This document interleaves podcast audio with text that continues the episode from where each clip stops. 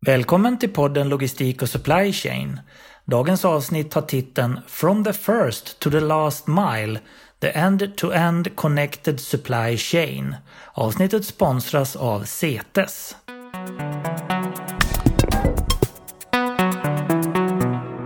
Välkommen till podden Logistik och Supply Chain. Idag ska vi prata om The End-to-End Connected Supply Chain. Det är på engelska det här som alla hör. From the first to the last mile är undertiteln. Idag är jag med mig Håkan Hammar, Kristina Liljestrand, Martin Espmark. Jag tänkte be er att inledningsvis presentera er lite kort. Martin? Ja, jag är Martin Espmark. Jag jobbar med sista milen framförallt i eh, Postnord. Ja, Håkan då. Jag jobbar med lösningar från eh, egentligen produktionslinan ända ut till eh, slutanvändarna, konsumenterna eller ja, företagarna, brukarna. Mm. Kristina mm. Liljestrand, jag är logistikforskare och jobbar mycket med cirkulär ekonomi. Vilket team vi har, alltså toppat team verkligen som kan de här frågorna. Ska vi börja med, jag brukar ju be om en lite akademisk definition av de ämnen som vi diskuterar här, men vi kan göra en lite halvakademisk, för den är svår har jag förstått, att, att liksom akademisera det här med end-to-end -end connected supply chain. Rätt intuitivt så där känner man säkert på sig vad, vad det handlar om också. Vad säger du Håkan? Ja, i stort kan man säga det beror på vem som tittar på den och vem det är. Men för mig handlar det mer om att eh, det är från det att jag faktiskt har producerat någonting till det att det når eh, slutkunden eller användaren. Och i det fall det finns, även då hela returflödet. Eh, sen kan man ju räkna leverantörssteg hur många som helst. Eh, men det behöver vi inte göra idag då, men det, det gör det ännu mer komplext. Eh, så att eh, det är min vy av det hela. Sen så vet jag inte, Martin kanske ser lite annorlunda på det. Ja, jag, jag, ser det mer som att det, det, mest intressanta för mig är, är den sista milen och att framförallt konsumenter eller mottagare får det de behöver. Och det är ju helt beroende av att de tidigare stegen faktiskt fungerar. Vi ska komma in på det lite strax, men en kort fråga. Vad, vad, är det generellt? Finns det några generella saker som liksom inte fungerar eller som, som du kan identifiera som ställer till problem för last mile? Nej, men det är nog hela informationsflödet. Eh, vad kommer hända och när kommer det hända? Och framförallt från mitt perspektiv så handlar det om att ge den som faktiskt behöver en vara eh, rätt förutsättningar. När kommer paketet eller varan? Att, att faktiskt kunna hålla det grundlöftet. Eh, jag tror att det där, du får ditt paket om två till sju arbetsdagar, det funkar liksom inte längre. Kristina, har du några reflektioner kring den här definitionsfrågan? Nej, men jag tycker att det är en väldigt viktig fråga och att man tar liksom i alla eh, olika eh, ja, alla olika delar. Det jag tycker är intressant också att fundera lite på är ju end-to-end, -end, vad är slutet? Man, traditionellt har man definierat det som att när konsumenten tar emot varan, men jag skulle vilja att man går lite till och säger att det kan också vara den första användaren, men nästa användare, att man följer produkten genom hela livscykeln, hela vägen ner till materialåtervinning. Nyttan med det här, det, det måste vi prata om, för att det är lite grann som en så här man tycker nästan att det är en religiös eh, vision det här med end-to-end connectivity eller end-to-end visibility supply chain. Men vad är det egentligen, vad är nyttorna med det här? En sak var du inne på här Martin förstås, det är det här med spårbarhet och, och att man kan få information om en försändelse. Men det måste finnas väldigt mycket annat va?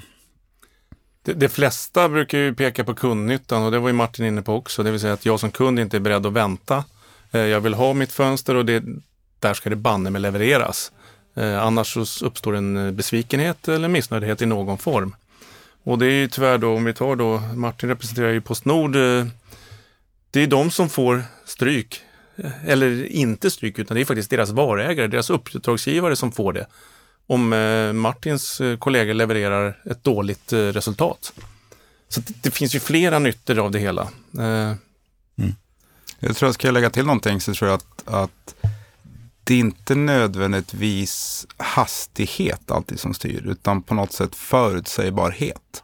Alltså vad är drivkraften till att jag köper något eller beställer något? Ja, men jag behöver jag ha det på lördag så behöver jag inte ha det inom två timmar. Men jag vill absolut ha det innan lördag. Så att det finns liksom hastigheten och inte allt, utan förutsägbarhet tror jag är precis lika viktigt. Mm. Ska vi prata lite mer om nyttorna här? Det måste ju finnas effektivitetsnyttor också. Kan man bena upp det lite grann Håkan? Ja, har jag bättre kontroll på hela flödet och var saker och ting befinner sig eh, så finns det ju saker som jag kan göra som att eh, till exempel minska mitt bundna kapital eller minska mina lagernivåer de facto för att jag har hela kedjan och jag ser var någonstans påfyllnaden befinner sig. Så det är ju en sak som eh, många företag sitter och räknar på. Det är mm, kapitalbindning utan tvekan. Ehm, sen har vi nästa sak och det är egentligen kan jag förbättra min tillförlitlighet i transporterna. Ehm, det vinner jag massor på. Ehm, kan jag börja beräkna saker, och nu kommer vi in på jätteroliga saker som fyllnadsgrad. Vet jag vad jag ska leverera och vet jag vilken volym jag har kvar i bilen så kan jag faktiskt fylla på mer. Men nu är vi väldigt fokuserade på transporter, kedjan är ju så mycket längre. Men det finns en mängd saker och mycket handlar ju egentligen om att använda resurserna på bästa möjliga sätt. Och där kommer vi in på hållbarhetsaspekten också när du pratar om, om fyllnadsgrader någonting som du jobbar mycket med, Kristina. Mm. Och det ser vi mycket när vi pratar cirkulär ekonomi, att det saknas information på väldigt många ställen i värdekedjan för att man ska kunna fatta rätt beslut, för att vi ska använda produkter så länge som möjligt och för att minska svinnet. Eh, kopplat till exempel matsvinn så eh, ja, finns det väldigt mycket man skulle kunna göra om man hade mer information och man delade mer information mellan olika aktörer i kedjan. Kan du ge några exempel på lite mer konkret så här, just i mat matkedjan? Vad, vad, vilken typ av information är det som man behöver för att kunna bli effektivare egentligen? Eh, det handlar ju väldigt mycket om att dela prognoser mellan olika aktörer. Att när en eh, i detaljhandeln, till exempel en företag där gör en prognos, så vill ju producenterna också ha del av den informationen så att man kan producera rätt mängder. Den tycker jag är jätteviktig. Jag kan fylla på där och säga att eh, vi jobbar med några kunder där vi faktiskt har just etablerat den typen av samarbete. Eh, och där leverantörerna har full insyn i detaljisternas lager så att de kan se lagernivåerna. Och så kan de styra sin produktion och fylla bilarna 100% för att de vet att de hinner dit innan lagret har gått ner i botten. Det blir effektivare hos producenten, eh, både ekonomiskt, produktionsmässigt och eh, detaljisten och deras lager känner sig trygga och ser att nej men herregud, det, grejerna kommer. Eh, och vi egentligen så, den som vinner på det, det är ju miljön i det stora. Eh, för att vi kör fulla bilar. Självklart finns det må många nyttor och det, vi var inne på det ekonomiska, vi var inne på planeringen och hållbarheten och miljön som sådan. Eh, vi har varit inne på kundnyttan, det vill säga brukarnyttan som jag brukar kalla det då. Eh, men, men, att som producent att kunna på ett bra sätt då skicka information och visa det här, att jag är på väg. Men även då att som Eh, ja, om vi håller oss kvar hos eh, detaljhandeln och detaljisterna så är det faktiskt att okej, okay, nu ser jag att de kommer inte kunna sourca i tid. Att då kunna vara reaktiv, eller proaktiv heter det ju snarare, att vara proaktiv och då agera och hitta någon annan ställe där jag kan faktiskt plocka in produkter ifrån för att fylla mina hyllor och för att kunna då möjliggöra för kunderna i butiken att faktiskt köpa det de är ute efter. För en tom hylla innebär ju oftast att man lämnar en varukorg också och går när jag har sådana här samtal, poddar till exempel, eller andra intervjuer eller vad det kan vara, om just visibilitet och informationsdelning och så här, så är den allmänna bilden att, att vi inte är så bra på det här som vi borde kunna vara, så att säga. Vad, vad, är, är det så? Är vi så himla dåliga på det här? Det, finns det en brist på, på eh, datadelning och eh, connectivity i supply chain? Det är ju svårt kanske att dra en generell slutsats och säga att så här är det överallt, men det finns ju absolut utmaningar som gör att, ja, att man väljer att inte dela data. Jag tycker två som jag ofta hör, det är ju, första är ju att det kostar för mycket att sätta upp de typer av system och man tycker inte att det är värt det man får ut. Och det andra är också att data är känslig och att man inte vill dela den här datan. Eh, men det jag tycker utifrån ett hållbarhetsperspektiv är att Eh, ibland kanske man gör det lite lätt för sig och säger det här är känsligt för att man inte riktigt orkar göra det, utan mycket av den datan som vi behöver för att agera mer hållbart är ofta inte känslig. Eh. Du har lite faktabas runt det här Håkan. Ja, vi har ju gjort lite studier på det här och eh, bland annat så kom vi fram till att 94 procent säger att de saknar tillräcklig visibilitet i hela sin transportplanering. Och det är för mig en ganska skrämmande siffra. Ehm, 71 procent säger att det här har en direkt negativ påverkan på deras affär. Och det är väl ganska tydligt. Eh, det som skrämmer mig är att man sitter och gör ingenting då. Och som du nämner egentligen, det är egentligen två stora saker. Det är en rädsla och det är en brist, alltså brist på samarbete och man vill inte dela med sig. Eh, vi har hållit på med det här sedan slutet av 90-talet och då pratar man om the virtual supply chain. Eh, den landar ganska platt. Det här är precis samma sak och nu hoppas jag faktiskt att det börjar hända saker på riktigt. Mm. För vi behöver det här eh, från många håll sett. Mm. Tekniken finns, sa du till mig Håkan, du och ni har ju en del av det i ert utbud i företag. Så, mm. så de teknologiska lösningarna är inte det stora problemet menar du, utan du var just inne på det att, att det handlar om rädsla att dela data eh, till väldigt stor del. Eh, är det så att, de, att, att, teknikerna verkligen finns eller är det inte förbehållet vissa och, och det kanske kräver ganska stora investeringar att faktiskt skapa eh. den här uppkopplingen, så att säga, eller sammankopplingen? tekniken finns och jag skulle väl snarare säga att jag tror inte investeringen är gigantisk heller. Det gäller ju, nu är vi inne på lösningar lite grann och det är lite tidigt tycker jag, men eh, det gäller ju någonstans att skapa sig en vision om vart man vill ta vägen så att man har en bra bild. Sen kommer den förändras genom åren eller på resans gång, så är det alltid. Eh, och sen får man eh, väl eh, stycka elefanten och ta steg för steg, plocka low hanging fruits i någon mån och liksom se vad kan jag ge mig in där? Är det, ska vi titta på transporterna nu? Ska vi titta på produktionsplaneringen nu? Ska vi titta på det här? Hur ska vi samarbeta och vilken information är det de facto jag behöver för att lösa just den uppgiften? Det är jättevanligt, man samlar på sig en mängd information och så vet man inte vad man ska använda den till. Först bör man väl definiera egentligen vad är det jag försöker lösa. Nu är vi på någonting här i, lite grann en begynnande beef. Jag hörde att du hade sagt att integrationer inte var något problem längre. Eh, jag bara, lite så, jag, jag tycker nog tvärtom. I liksom inte, alltså, det, är, det är inte alltid det ovilja som sätter stopp, utan det är också lika mycket teknisk förmåga. men jag har det här systemet som ska prata med det där systemet som och till slut så inser man att ja, men det kommer kosta oss för mycket att få vårt system X att prata med ert system Y. Ehm, men det kanske du Finns det, någon, finns det någon diskussion där vi kan ha kring det? Mm, jag vet inte hur diskussionen skulle lyda, för jag, jag lever i en värld där jag tror att eh, om man bara fokuserar på att samla rätt eh, ehm, events eller rätt eh, information så pratar vi om ganska små saker som vi ska samla upp. Eh, vi har gjort det här eh, bland annat för tobak och läkemedel och hav som du känner till väldigt väl.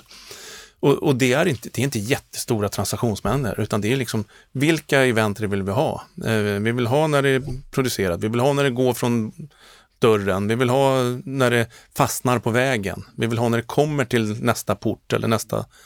Och, och det är egentligen de eventen vi ska ha. Ja, det berör flera parter och det är väl det som är kanske problemet, att jag ska få alla de här att samverka. Men själva integrationsfrågan i sig, den ser jag som, ja visst, det är alltid kom, komplext, men det är inte svår, det går ju att lösa. Nej, det jag menar, när vi pratade om det igår så, så eh, hade jag precis pratat med en kille som driver en, en returtjänst. Och han sa att ja, men ibland så är det lite frustrerande för två svensk, det finns inte två svenska e-handlare som har samma systemsetup. Visst, de kanske kör samma e-handelsplattform, men det skiljer sig någon annanstans. Och att få det här på något sätt att, att synka ihop så att i det här fallet hans produkt ska funka är ju väldigt, väldigt kostsamt. Det, det finns liksom ingen, jag, vet jag ska inte argumentera för standardisering, men det, det är på något sätt jobbigt att, eh, att få det att hända systematiskt, helt enkelt. Ja, jag, jag, tycker ju inte det då. Ja, om, om, jag bara får mm. bryta in där, mm. så mm. försöka vara lite neutral och salmonisk här, som det heter, så, så hör jag liksom två olika, jag får de här bilderna mm. utifrån marknaden. Dels säger många att ja, men de, här, de här gamla tekniksvårigheterna de är mycket lättare att hantera idag med de typer av verktyg och system som vi har. Och man kan lägga grejer liksom utanpå de här gamla ERP-systemen och andra legacy-system och sådär. Och så hör jag just det här hela tiden att ja, men, ja, men integrationsproblematiken med systemen den är, den är jättestor fortfarande och det är väldigt mycket kostnader. Så det är, ni representerar liksom två bilder som jag, som jag faktiskt hör väldigt ofta. Och, och möjligen är det lite sant då både och, va? att det både har blivit en teknikutveckling som gör det här lättare, men att det i vissa fall också kan, kan dra väldigt stora kostnader och bli väldigt stora projekt. Jag, jag kan väl ge rätt i det att det är oändligt mycket enklare nu än vad det var för, för tio år sedan. Men jag, men jag tror att utmaningen, framförallt om jag tittar på e-handlare, är att, att ha ett strukturerat sätt att utbyta information med varandra. eh, med leverantörer, med suppliers. Med, och jag, jag, tror inte att det är ovilja, utan jag tror att det är lite grann det vi var inne på tidigare. att det kostar en summa pengar. Om jag hade de, de pengarna, vad skulle jag använda de pengarna till då? Är det här den största painpointen eller vill jag hellre använda de pengarna till att rekrytera nya kunder eller göra en marknadskampanj eller eh, vad det nu är för någonting. Så att, kanske finns det någon som, sanning som är mitt emellan, att man tycker att det är viktigt men kanske inte viktigast. Så man spenderar inte pengarna på det. Vad säger du då Håkan? Är det, det, måste vara viktigt ur ert perspektiv att det finns väldigt tydliga business case runt de här investeringarna. Så att säga. Uh, business casen räknar vi på alltid, mm. uh, utan tvekan. Det, allting handlar ju om vad det ger på sista raden. Mm. Och ja, om man står och väljer mellan ett marknadsföringsprojekt eller ett, uh, ett IT-projekt, ska vi kalla det så då, men vilket jag inte tycker det är, för det är de facto så att det här påverkar ju kundnyttan. Och nöjda kunder, det måste ju ändå vara den bästa marknadsföringen. Eh, för mig eh, så är det definitivt så att jag återkommer ju till en leverantör som faktiskt sköter sig och levererar ja, grejerna i tid. Eh, annars väljer jag en helt annan leverantör nästa gång. Jätteenkelt om man går till sig själv som privatperson. Vad, vad det gäller tekniken som sådan, och du var inne på det, man lägger saker ovanpå. Ja, vi lägger ett paraply ovanpå de olika lösningarna för att på ett enkelt sätt kunna samla in information från olika obskyra system Eh, om det så är ett hemmabygge med, med bristande integrationsmöjligheter eller om det är ett modernt system som har alla de moderna API och kopplingar som finns. Det är en stor flora av olika lösningar där ute, så är det. Men spagettin vi hade för tio år sedan, den har vi nästan kommit ifrån tror jag. Hur är det allmänt i branschen, Håkan, skulle du säga? Är ni bra på att kommunicera de här nyttorna och sälja in det här? Liksom? För att eh, om, det, om det nu finns en stor potential, men samtidigt så använder man inte de verktyg som finns, då, då man kunna säga att det finns en viss förbättringspotential där också i, från vår sida? Från, från branschsidan ja. helt enkelt. Nej, men det, kan, kan, inte vi prata och komma med argument som gör att eh, mottagarna förstår dem, då har ju vi gjort något fel. Eh, men eh, vårat, vårt arbete hos oss, det går ju ut på att göra analyserna först och titta på hur ser det ut och vart ska de ta vägen? Därefter rekommendera lösningarna som passar. Så att det är ju ingen handske som passar alla händerna i det här fallet. Det är, liksom, det är omöjligt, utan vi måste anpassa oss efter den verklighet som respektive kund eller eh, ja, part lever i. Eh, utan tvekan. Eh, Eh, att vi sen eh, underbygger det här med ROI-kalkyler och liknande saker för att hjälpa våran motpart att faktiskt motivera en investering i, i någonting. Det är en självklarhet. Eh, och den baserar vi på de erfarenheter som vi har från andra kundcase. Ser du någon skillnad mellan det vi kallar pure players, alltså rena e-handlare versus de som har fysiska butiker versus de som har både och? Ser behoven annorlunda ut? Eh, ja. Det var ett bra svar. Ja, ja. ja men det, är ett bra svar och det är en bra fråga. För det är faktiskt så att de som är rena e-handlare, i, i många fall så använder ju de en transportör som också är deras tre pelare. Det vill säga, de sitter i systemen. Ni har redan färdiga system för spårbarhet, oftast. Eh, vissa fungerar bättre och vissa fungerar sämre. Eh, alla försöker få den här Uber-upplevelsen.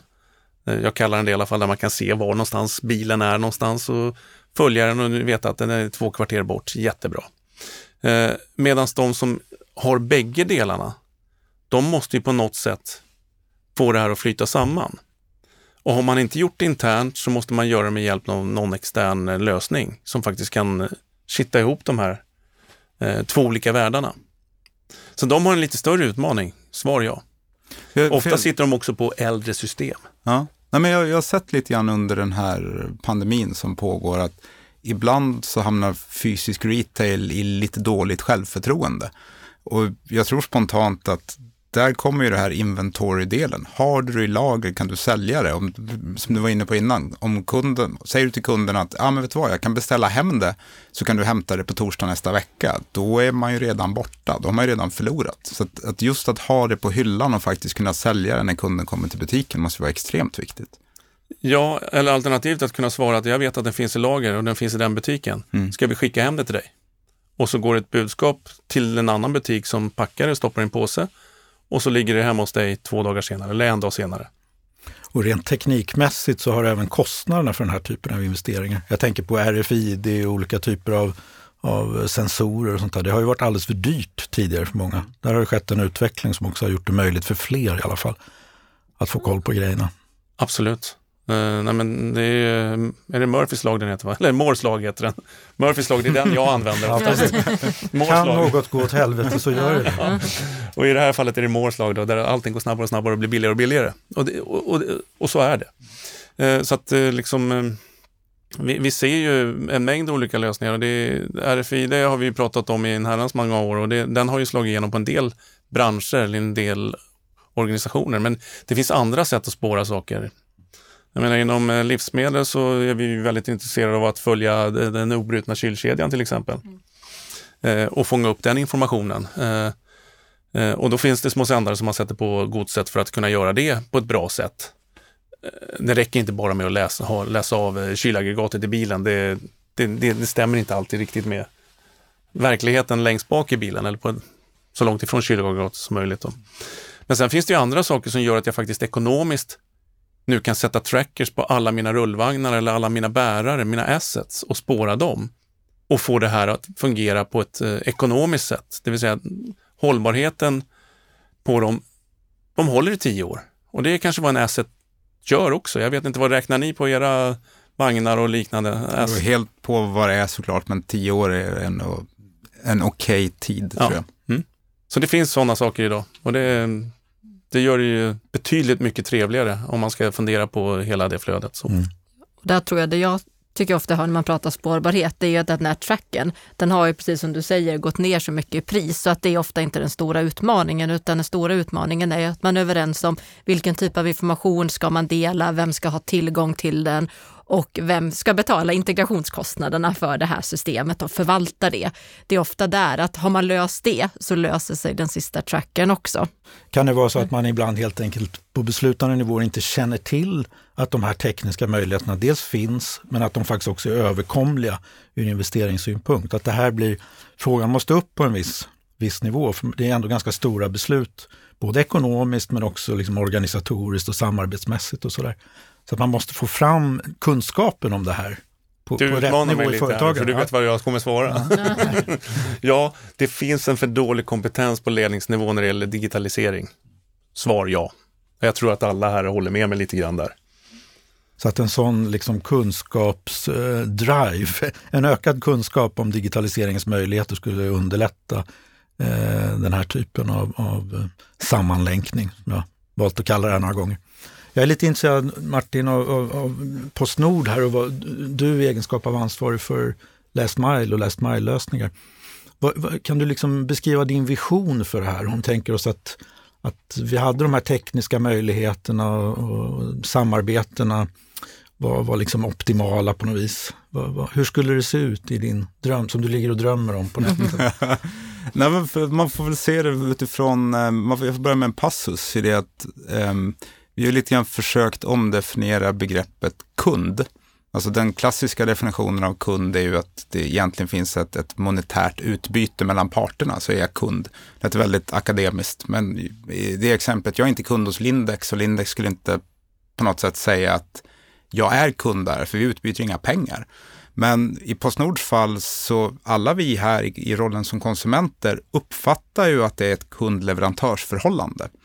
Och det är någonstans där vi har tagit utgångspunkt de senaste åren. Ja, men låt oss behandla mottagaren som en kund, även fast vi inte har en, en direkt ekonomisk liksom, transaktion. Men delar man det där i B2B och B2C som kanske är en normal liksom, uppdelning, så för konsumenter så handlar det mycket om bekvämlighet. Alltså det handlar ju om att det ska vara enklare att handla på nätet än i en fysisk butik.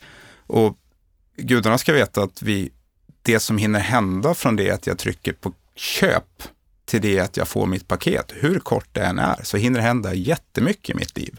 Ja, men jag ville ha det till jobbet, sa jag när jag köpte, men sen, nej men hoppsan, nu händer det någonting och jag är i min, eh, mitt fritidshus istället. Varför kan jag inte få det hit? Nej, men det var ju redan definierat vid köpet att det skulle ju till jobbet. Och det, alltså den typen av flexibilitet är ju det vi är ute efter. Kalla det fri rörlighet mellan leveranskanaler och hastigheter och så. Och när man väl är där så börjar man ju tänka, ja men preferenser, vi vet ju, vi levererar ju massor av paket till alla er varje liksom, månad. Hur vill ni ha det egentligen? Alltså, kan vi lära oss av, av vad som var bekvämt och enkelt förra gången?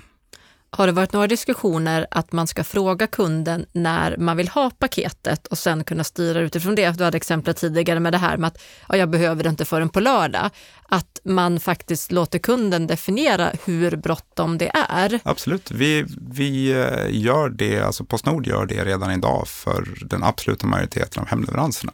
Så frågar vi, ja men hur vill du ha det här paketet levererat? Vill du ha det den här tiden eller vill du hellre att vi kör det till ett ombud för du är inte hemma? Eller vill du att vi lämnar det på baksidan av huset eller carporten. Alltså vi, har, vi, vi är där att vi har den liksom, dialogen. Jag tänkte att man kanske då kunde gå och prata om det här, ja, från end to end, att redan den som ska skicka den här varan ja. får den här informationen att ja, hon har beställt den här maskinen, men den kommer inte användas för om en månad. Så vi har faktiskt en månad på oss att få fram den och kunden kommer vara lika nöjd yes. om tre veckor som ja. om man får den imorgon. Ja. Att man får den informationen hela vägen bak i kedjan. Jobbar man med det? Alltså vi, man får nog backa till att se att mycket av logistikverksamheten handlar ju om att paketen inte ska stå still och inte mm. egentligen specialhanteras. Nej. När man väl har fått in det så måste man få ut ur maskinen, för annars blir det liksom, annars kommer det en miljon nya paket mm. nästa dag. Annars blir det stopp. Annars ja. blir det stopp. Mm. Så då skulle man istället kanske tänka att, att den som skickar någonting ställer frågan och sen håller orden, plockar ut det i, liksom, markerar det som köpt men har kvar det i lager. Eh, jag vet egentligen på kort sikt inte vad vinningen är eh, med att göra det. Kanske om man tänker någon form av, av liksom konsolidering eller samordning framöver så skulle det, skulle det kunna hjälpa. Ska vi snacka lite om vad man kan göra för att komma vidare i det här med att sammankoppla sig i the connected supply chain. Du var inne på det lite där Håkan, du, Håkan, du sa att man måste först ha en målbild och en slags ambition som ett första steg. Mm. Är det en bra startpunkt? Vad säger ni? Vad, Ja, jag står ju för det. Ja. Så att, eh, och för mig är ju, de, de, som inte har en målbild, de har ju ingen aning på var, vart de är på väg ens. Eh, och jag menar, det vet ju alla att eh, visst, det är jättekul att vara ute och luffa. Men det är ju bara trevligt när man luffar ja, på det sättet. Men det är faktiskt du sa något annat också som jag tänkt på lite också på Snord och det jag säger. Du sa att man börjar smått. Ja. Och det är ju lite grann, jag vi hade en podd där för en tid sedan just om hållbarhet och förpackningsresan. Just. Jag tyckte också det var klokt att liksom, man börjar ganska smått och när man ser att det fungerar och man får gehör och får med sig flera på, på, banan så att säga, då, då kan man vidga. Är det, något, är, det en, är det en bra grej? Men förpackningsresan, här exemplet, är ju ett, ett, ett ganska bra exempel, för där har man ju tydligt definierat problemet man vill lösa och vilka fördelar det har med att lösa problemet, att transportera luft i onödan. Så och det är väl lite grann det, kan, kan man komma så långt att man vet, ja men det är det här vi vill uppnå, då tror jag också att man kan lösa det. Men det får inte vara så liksom löst i kanten som liksom connected supply chain. Det kan inte vara, alltså det behöver vara tydligare att löser vi det här, då får du den här belöningen som ger den här affärsmässiga vinsten. Mm. Eh, kan du ge något exempel på, på några sådana initiativ som du jobbar med? Liksom? Nej, men vi kan väl, jag kan väl säga någonting i alla fall, att det vi, eh, vi driver rätt så mycket piloter. Det vill säga att vi har en hypotes om någonting och sen inser vi att men vi kan inte räkna ut det här. Jag kan inte göra det på papper. Det går inte att hypotetiskt liksom testa. Eh, så därför säger jag att bra, vi kör en pilot. Vi gör det här i mindre skala. Vi skickar ut det till fem kunder eller 5000 konsumenter och så ser vi vad det tar oss. Vad ger det för effekt? Vad ger det för liksom, ekonomi och så vidare. Och det är väl någonting som, som man kanske skulle slå ett slag för. Man, börjar man med en hypotes så testa i liten skala. Du sa Kristina tidigare att keep it simple och så refererar du till ett projekt eh, som heter Resvin. Va?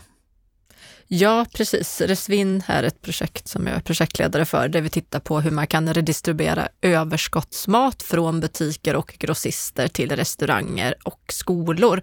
Och där jobbar vi också med en IT-lösning. Och där har vi också liksom så här, man, man kan ju göra väldigt mycket med IT, men vi ser att spårbarhet är ju en av de viktigaste eh, utmaningarna som vi har där. Och det är just att om man jobbar i sin befintliga leverantörskedja så har man rutiner, man har delat information tidigare. Men när vi går till att vi ska bli mer cirkulära så kommer vi behöva samarbeta med nya företag och organisationer och då måste ju också IT-systemen hänga med. Så att här har vi en liten resa att göra, att verkligen förstå, men hur kan vi integrera befintliga system för att kunna säkerställa spårbarhet? Och då tror jag, precis som ni alla varit inne på, det här liksom att börja i liten skala och verkligen förstå med vilken information är det vi måste ja, flytta mellan olika företag som inte har system som har pratat med varandra tidigare. Så. Du Håkan var också inne på det här med att inte göra det här till IT-projekt enkom och liksom komma in, ur ert perspektiv, då komma in och ha IT-sidan som, som med, motpart eller medpart, vad man kallar det för, utan det är viktigt att det blir ett bredare perspektiv på att, på att skapa här, den här förbättrade informationsdelningen. E, eftersom jag hävdar då att eh, det här inte är ett teknikprojekt utan det, det är ett processtänk som vi ska igenom och då är det faktiskt verksamheten som måste vara inblandad. Eh, sen så kan man inte säga att eh, IT, ja, eh, IT-avdelningarna inte kan någonting, det var inte det jag sa, men glömmer man bort eh, organisationen, de som de facto gör, utför arbetet, eh, då har vi tappat det helt. Ja, det är de som ska arbeta med systemet och använda det sen, så ja. det måste ju vara anpassat efter ja. dem. Så att... Så att, eh, jag var inne på det, jag har inte sagt idag, men eh, det, det, för oss handlar det någonstans om att få ihop det här fysiska flödet med det digitala. Och sen utifrån att vi har faktiskt förstått processerna och vad är det vi vill åstadkomma. Det är de två, det är det enkla svaret. Det finns även, har jag hört innan här, från er vissa branscher där man har legala krav som gör att man liksom pressas till att ha en bra informationsdelning. Eh, mm. några, några bra exempel här, utöver det jag just sa. Ja, utöver det du just sa? Mm. Jag har sagt allting nu. Så. Nej, nej men jag, jag, jag ligger kvar lite grann. Jag tycker ju detaljhandeln, om du tittar på den, och där vi har då resultat som visar på, och vi är två stycken som gillar reducerat svinn här. Jag tror du gillar det också. Jag tror vi är fyra. ja, fyra, fyra. Ja, men där, där, vi då har sett resultatet av att faktiskt få en sån här full visibilitetslösning. Där de har minskat då svinnet med en halv procent. Och det låter ju inte så jättemycket, men på sista raden så är det enormt mycket pengar för en detaljhandlare. Pratar vi bara färskvaror så var svinnminskningen, svinnet minskade med 35 procent. Och då börjar vi prata riktigt intressanta grejer. För kan jag flytta 35 procent till att till exempel restauranger eller till att det används på något annat ställe? Ja, det är en jättevinning i det. Sen var du inne på de här legala sakerna och där, där har vi deltagit ganska mycket då med bland annat då, ja, läkemedelsdirektivet och tobaksdirektivet. Eh, och det är ju då styrt från ja, ett EU-direktiv.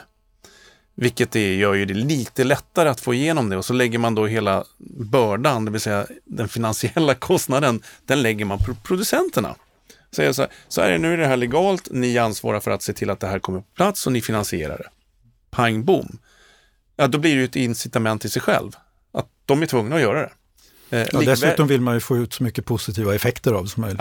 Ja. ja, och den positiva sidan för dem är ju de facto det, det är ju varumärket. För de är ju rädda för parallellimporter och liknande. Så att det är ju faktiskt att säkerställa att jag får det jag faktiskt tror att jag har köpt eh, i mångt och mycket. Jag brukar ibland ta upp det här med makt i de här alltså leveranskedjorna eller supply chain supply chains och just fordonsindustrin är ett exempel på en där, där det liksom är biltillverkarna som sitter på makten och i dagligvaruhandeln så är det, är det handlarna som sitter på makten och de har ju drivit de här projekten väldigt hårt och ställt krav på, på sina leverantörer så att säga, och deras leverantörer. Sen, är, är det så att det är viktigt att det finns någon som driver en sån här utveckling i en bransch för att det liksom ska slå igenom? Det, framförallt skulle jag påstå att vi som konsumenter har aldrig haft så mycket makt som vi har nu. Alltså vi väljer ju varje dag vem vi gör affärer med. Och har man inte en lite så luddigt bra känsla av ett bolag, står de verkligen för någonting som jag kan leva med? Eller, alltså vi som konsumenter bestämmer ju faktiskt vem som ska lyckas och inte. Som ett kollektiv. Mm. Och kopplar man det till visibilitet så kan man ju hoppas att visibilitet också driver att vi gör det enklare för konsumenten att förstå vilka företag vi vill handla ifrån och vilka produkter vi ska köpa. Men, men ändå med det sagt Martin, ni är ju en stor lokal, regional aktör på transportmarknaden, transportlogistikmarknaden, den största. Har man inte som stor aktör ett speciellt ansvar att driva vissa sådana här frågor som, där man kanske behöver få med sig både flera led men också flera andra aktörer i branschen? Jo, men, och det tror jag att vi gör, man, beroende på vad man, vad man pratar om. Men vi har ju alltså, vi har väldigt många olika initiativ beroende på igen vad vi pratar om för någonting. Men det är självklart att vi har ett ansvar och vi försöker ju i den, i den stora kontexten vara ett schysst bolag. Vi, vi, är ju ett bolag som, och schysst är ju i, i den aspekten allt från liksom miljö som är den enkla till, till arbetsförhållanden till alltså så. Och det handlar inte bara om, om att vår ägare i grunden är staten, utan det handlar också om att kunna attrahera människor som vill jobba hos oss. Märker vi ganska tydligt att man vill ju inte jobba för ett bolag som inte har någon dimension av att göra gott. Så vill man vara en attraktiv arbetsgivare så, så lär man liksom ha rent mjöl i påsen, tänker jag. Jag kan ju, mm, det, det, finns ju ett projekt som pågår nu där, som ni genomför tillsammans med Samhall för eh, returhantering från e-handlare. Det är ett eh, initiativ som jag tycker är helt eh, suveränt. Eh, och bara hela tanken och grundidén till det är, är grym. För är, vi vet ju var returerna tar vägen idag. De eh, lämnar oftast eh, vårt lands gränser för att tvättas, packas om. Ehm, en kostnad som är helt ofattbar. Eh, nu hamnar de istället på väl valda platser i, ja, i Sverige. Och det måste ju definitivt kapa transportvägen i alla fall. Ja, men sen, man, ibland får man igen nyansera. Eh, när den debatten, det var, jag kommer inte ihåg vad det var, om det var Uppdrag granskning eller något som, som pekade på att men, mycket av returerna hamnar ju i Polen och Baltikum.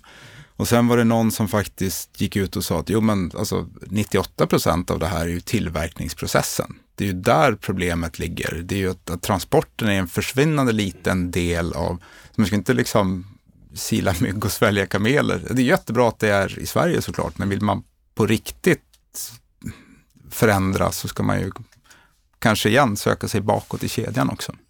Det där tycker jag är en väldigt viktig poäng just med att man tar det livscykelanalysperspektivet när man pratar cirkulär ekonomi. För jag får också ofta höra det, ja men när vi återanvänder eller återvinner, det blir så mycket transporter. Men som du säger, för många alltså produktgrupper så kanske 90-95 procent kopplat till produktion och resterande är transport. Så att man ska ju köra väldigt långt för att det inte ska vara värt att återanvända eller materialåtervinna en produkt. Martin, om jag ska polemisera lite med dig där. Vi mm. pratade igår om det här med eran last mile-kedja då som kan vara ganska lång och komplex och sådär. Då gav det, det ett exempel på en, en klädhandlare som skulle leverera ett par skor och sen så var det Postnord en bit och så på slutet var det ytterligare någon aktör som skulle leverera hem, hem till dörren och så upplevde jag lite så informations problematik runt det här. Är det så att det skulle behövas mer av standards och gemensam informationsdelning mellan de här aktörerna om vi bara gör det utsnittet? Så det är väldigt svårt för mig att kommentera den där anekdotiska bevisföringen. Eh, men eh, jag tror att vi är väldigt transparenta. Eh, alltså har man, man, om vi blir lite tekniska, så självklart har vi ett API där har du ett, ett kollinummer så kan du spåra det och veta precis liksom var det finns. I ditt fall när du köpte skor så vet jag inte vem som var ansvarig att kommunicera med dig, men jag är rätt säker på att det inte var Postnord, om vi har en liten del av den kedjan. Men i just det fallet så tror jag inte det är att vi inte vill dela med oss av information, utan det är ju snarast vem orkestrerar ihop den där informationen. Eh, någon köpte en del av transporten från oss och någon annan del av någon annan och sen sitter du där som konsument lätt förvirrad. Eh, jag menar om det är ett generellt problem så att säga, oavsett vem som kan vara skyldig eller inte i kedjan, att man skulle behöva samarbeta på ett bättre sätt och se till att informationsdelningen blir enklare så att säga, eller är det är det med det du just sa, är det, är det, inte, där, det är inte där problemet ligger? Liksom? Nej, men alltså det, det, det, kan alltid, det kan alltid förbättras. En sån sak är ju, man blir väldigt detaljerad, att vi får EDI-information, vi får information om att en transport kommer. Så vi får någons adress och telefonnummer och vad det nu är för någonting. Eh, och ibland så kommer ju den två veckor innan själva paketet kommer och ibland så kommer den i samband med att vi får paketet eller ännu värre efter att paketet har, har faktiskt kommit och vi ska försöka dela ut det men vet inte till, till, till vem. Eh, och där tror jag att det finns ett, ett, behov av att bli bättre. Det är på något sätt hela branschen tillsammans. Vi, självklart kan vi optimera våra resurser mycket bättre om vi har en framförhållning. Men vet vi inte om det tar en dag eller två veckor innan det där paketet som vi har fått information om dyker upp. Så det, det kan man absolut förbättra. Mm. Den där frågan tycker jag är intressant, för jag eh, gjorde ett projekt i våras där vi pratade mycket med transportörer och vi pratade om det här med framförhållning. Men flera transportörer sa att ja, men även om kunden skulle tala om det här tre dagar innan så kommer vi ändå inte använda den informationen förrän samma dag. Man är så van att man får all information så att man har byggt upp hela sitt planeringssystem utifrån att den kommer precis och att man, jag tror det är svårt att öppna upp och förstå, men tänk om vi kunde få den här innan, vad skulle vi kunna göra då? Jag vet inte om du har någon reflektion över det? det här att... ja, men vi jobbar ju jättemycket med, med prognoser med våra kunder, så vi kan ha något hum om ja, men vad kommer hända om en vecka eller en månad eller under Black Friday, så att vi faktiskt kan sajsa det där. Vi, ju, vi, vi har ju på något sätt eh, inte i praktiken, men i, i, teorin en oändlig kapacitet. Vi tar ju självklart hand om de paket som kommer till oss. Eh, men ju mer vi vet, ju mer våra kunder vet att ja, men så här mycket tror jag att jag ska sälja under Black Friday, desto mer kan vi optimera det där flödet. Så att det, det finns ett behov. Det är väl eh, det enkla svaret. På, på de mer mogna e-handelsmarknaderna, England och USA, mm. finns det några aktörer där som du liksom skulle vilja benchmarka och gå in och få lite branschhemligheter av eller företagshemligheter från för att kunna bli ännu bättre. Är det några, är det några goda, förebild, ja, goda, goda förebilder som man tittar på där som liksom har, har löst de här last mile-problematiken på ett oerhört alltså elegant vi, och framgångsrikt sätt? Ja, men den, den, svenska marknaden, kanske den nordiska marknaden till stor del, exkluderat Danmark kanske, är, eh, är lite historiskt sett annorlunda. Alltså vi har en högre andel leverans till ombud, eh, varvid Tyskland och USA till exempel har gått all in på, på hemleveranser sedan lång tid tillbaka. Och de är ju på något sätt ironiskt nog på väg åt andra hållet nu. Nu försöker de öppna ombud och alltså, det är på den nivån att ja, men fortsätter tillväxten på e-handeln som ni gör så behöver liksom, det, det är 10 000 chaufförer bara liksom nästa år och 100 000 året efter det för att bara hantera volymen. Så de går ju också mot att liksom konsolidera. Så vi, vi har en lite annan kanske situation på den svenska marknaden. Det är svårt att, att benchmarka. Jag har svårt att tro att vi kommer till så hög andel hemleveranser som man har i, i UK och, och typ. Men det är svårt att runda Amazon när det gäller uppfinningsrikedom i alla fall vad, vad det gäller olika typer av leveransmodeller och leveranssätt och sådär. Ja, jag vet inte. Ja, men de är, de är liksom erkänt duktiga. Å andra sidan så det är inte alltid så att man behöver vara bra för att vara bäst i logistikbranschen. Alltså det, vi som konsumenter har ju högre förväntan än vad, vad faktiskt logistikbolagen eller e-handlarna kan leverera på. Jag, vet, jag bodde i USA under en period och, och eh, även om man handlade från Amazon på den tiden, det var ett antal år sedan, så försökte transportören köra hem det till mig tre gånger dagtid och gick inte det så fick jag hämta det på flygplatsen. Och det är liksom, det är en helt barock situation och det som de facto hände var att grannskapet gick ihop eh, och öppnade ett ombud. Det vill säga att alltså, vi anställde en, en människa, alltså ganska många människor som gick ihop och anställde en människa vars enda uppgift var att signa för våra paket och messa oss när det kommit fram. Det, det, kan möjligen vara skälet till att Amazon nu faktiskt bara under en väldigt kort period levererar 50 procent av alla sina försändelser till slutkund ja. på den nordamerikanska marknaden. Ja. Det, det, är nog både, både ekonomi och, och eh, kallar det convenience, alltså förmåga. Med de kloka orden så tackar jag dig Håkan Hammar, Kristina Liljestrand och Martin Espmark för ett riktigt bra runda bordsamtal. Själv heter jag Stefan Karlöv. Tack. Tackar.